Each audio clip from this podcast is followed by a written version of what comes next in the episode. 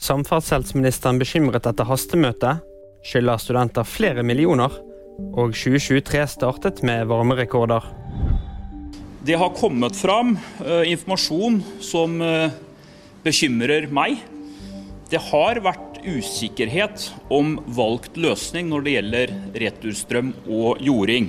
Jeg mener det er behov for at vi da får en ekstern gjennomgang eller granskning av dette.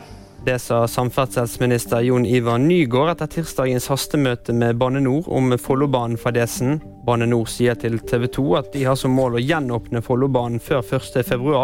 Banen som har kostet 36,8 milliarder kroner, har vært stengt etter varmgang og røykutvikling i teknisk anlegg.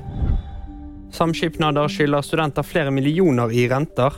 Tusenvis av studenter fikk i høst tilbakebetalt depositumet sitt fordi samskipnadene praktiserte reglene feil. Rentene må studentene imidlertid be om sjøl. Åtte studentsamskipnader måtte tilbakebetale minst 160 millioner kroner til studentene.